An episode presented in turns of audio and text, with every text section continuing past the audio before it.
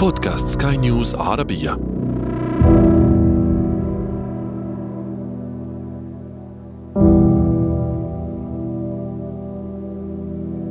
في عام 2019 تعرضت فتاة من بريطانيا تدعى فريا هيدينغتون لإغماءات متكررة. كانت فريا تبلغ من العمر 12 عاما فقط. كان طبيعيا أن تلعب وتقفز وتعدو لكنها كانت غير قادرة على ذلك. كانت تتعرض لضيق شديد في التنفس. تصعد الدرجة بنفس أسلوب وسرعة شخص في السبعين. ونادرا ما استطاعت السير حول مدرستها. تم تشخيص حالة فريا باعتلال عضلة القلب المقيد. وهي حالة نادرة تصبح فيها جدران عضلات الحجرة السفلية للقلب صلبة. وتكون حركتها مقيدة. فلا يمتلئ القلب بالدماء بالشكل الصحيح. كان الأمل الوحيد أمام فريا هو إجراء عملية زراعة قلب. لكن كان عليها أيضا أن تنتظر لعامين على الأقل حتى تجد قلبا مناسبا. قلب لشخص متوفى دماغيا فقط بحيث يظل قلبه على قيد الحياة وأن يكون ذلك القلب مناسبا من حيث الحجم والحالة الصحية لطفلة في عمر فريا. كانت فريا وأسرتها في سباق فعلي ضد الزمن إما أن يجدوا قلبا مناسبا أو يخذلهم قلبها الطبيعي قبل أن ينجحوا في ذلك. وفي وقت خطط والداها لحفلة عيد ميلادها. الأخيرة غالبا بالنسبة إليها. تلقيا مكالمة من أطبائها. أمكن للأطباء التوصل لتقنية تتيح لهم زرع قلوب مات أصحابها بالفعل وليس اكلينيكيا فقط. أصبح من الممكن نقل قلب من شخص مات في حادث أو مات طبيعيا ويتمتع بقلب جيد صحيا إلى شخص آخر يحتاج لزراعة قلب. كان ذلك نتاج عملية بحث طويلة أمكن من خلالها التوصل لما سمي SC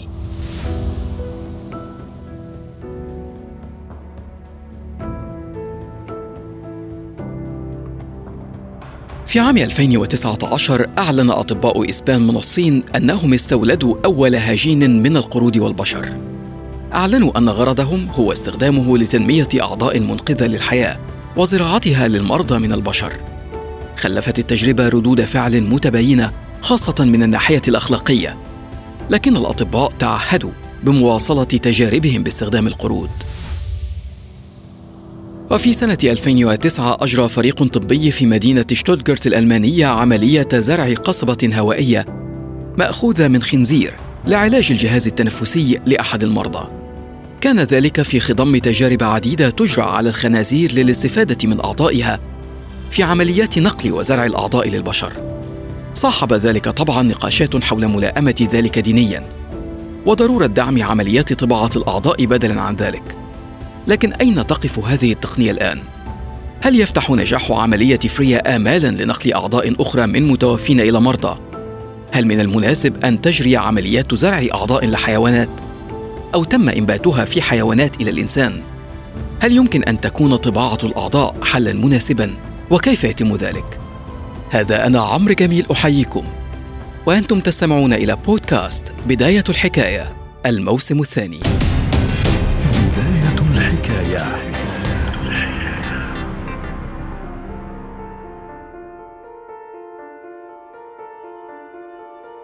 في عام 2017 أجرت جامعة زيورخ السويسرية دراسات على طرف صناعي يعود إلى نحو ثلاثة ألاف عام.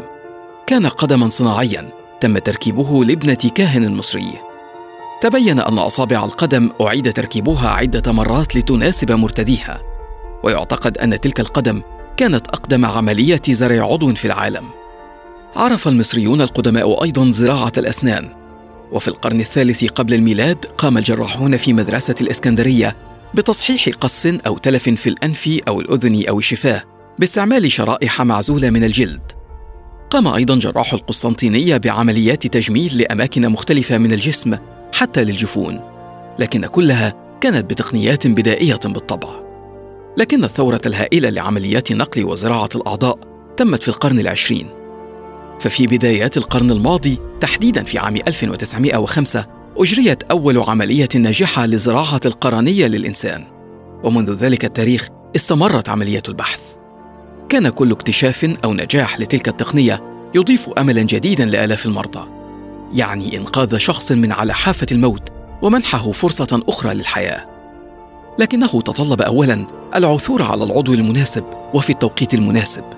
ثم إذا كان المريض محظوظا بالعثور على عضو في حالة صحية جيدة لشخص توفي اكلينيكيا أو حديثا ويرغب في التبرع بأعضائه وحدثت عملية نقل العضو بدون مشكلات. فعلى جسد المريض أن يتقبل هذا العضو الجديد من دون أن يقاومه جهازه المناعي أو يعتبره غريبا أو متطفلا عليه. نجح العالم الأمريكي من أصل لبناني بيتر مداور في خمسينيات القرن الماضي من تقديم مفهوم الأدوية المثبطه للمناعة. ثم نجح البلجيكي جان بوريل في السبعينيات في تطوير ذلك العقار. مكن ذلك بالتالي زراعة أعضاء للمرضى من دون أن ترفض أجسامهم العضو المزروع. أمكن القيام بعمليات لزرع الكلى فالبنكرياس والكبد والأمعاء والقلب والرئتين والنخاع العظمي والجلد وحتى الوجه. تمكن الأطباء من التغلب على مشكلة رفض العضو المزروع لكن المشكلة الأخرى ظلت دون حل. إيجاد العضو المناسب في التوقيت المناسب. بحث العلماء والأطباء عن تقنية تتيح تقديم تلك الأعضاء عند الحاجة إليها من دون انتظار وفاة شخص لإنقاذ شخص آخر.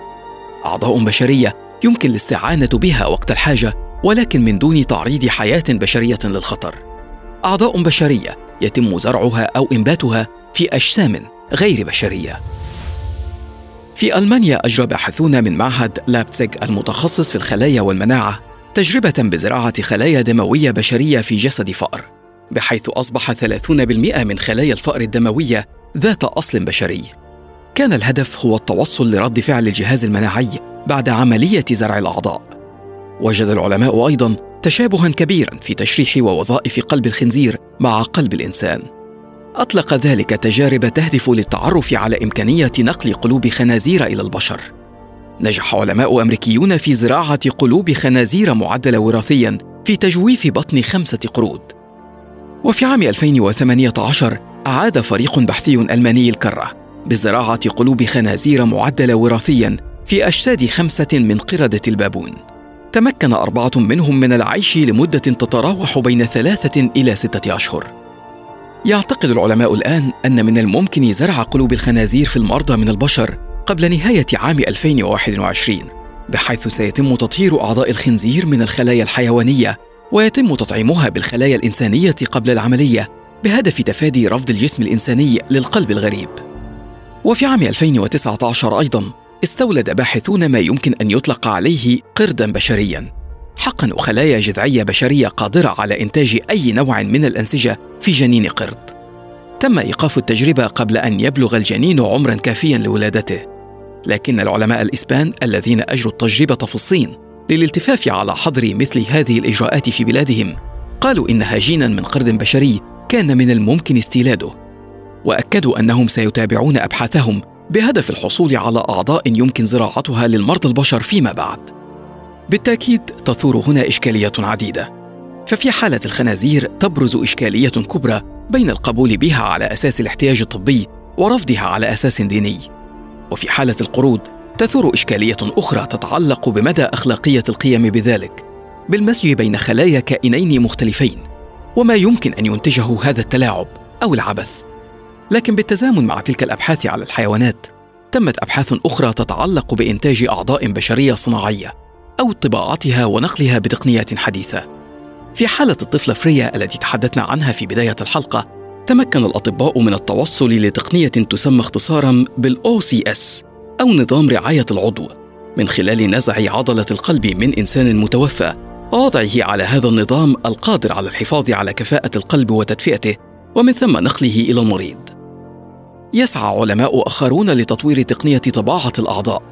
يتم ذلك عبر التصوير المقطعي لعضو ما في جسم الإنسان، ثم تحويل الصور إلى نموذج ثلاثي الأبعاد. يحصل منه الأطباء على البيانات اللازمة قبل إجراء الجراحة، بما في ذلك الموضع الدقيق للجراحة وأفضل طريقة للوصول إلى العضو. لكن تلك التقنية تتكلف اموالا باهظة ما يجعلها في غير متناول الكثيرين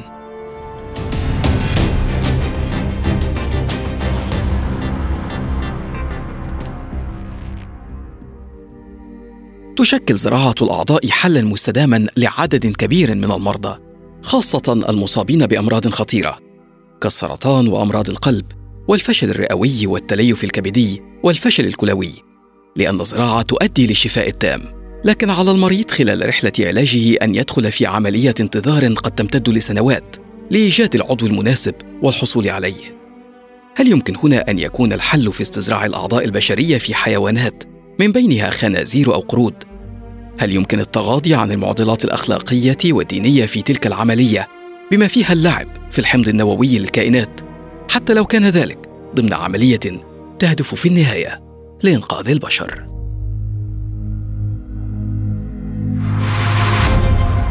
بداية الحكاية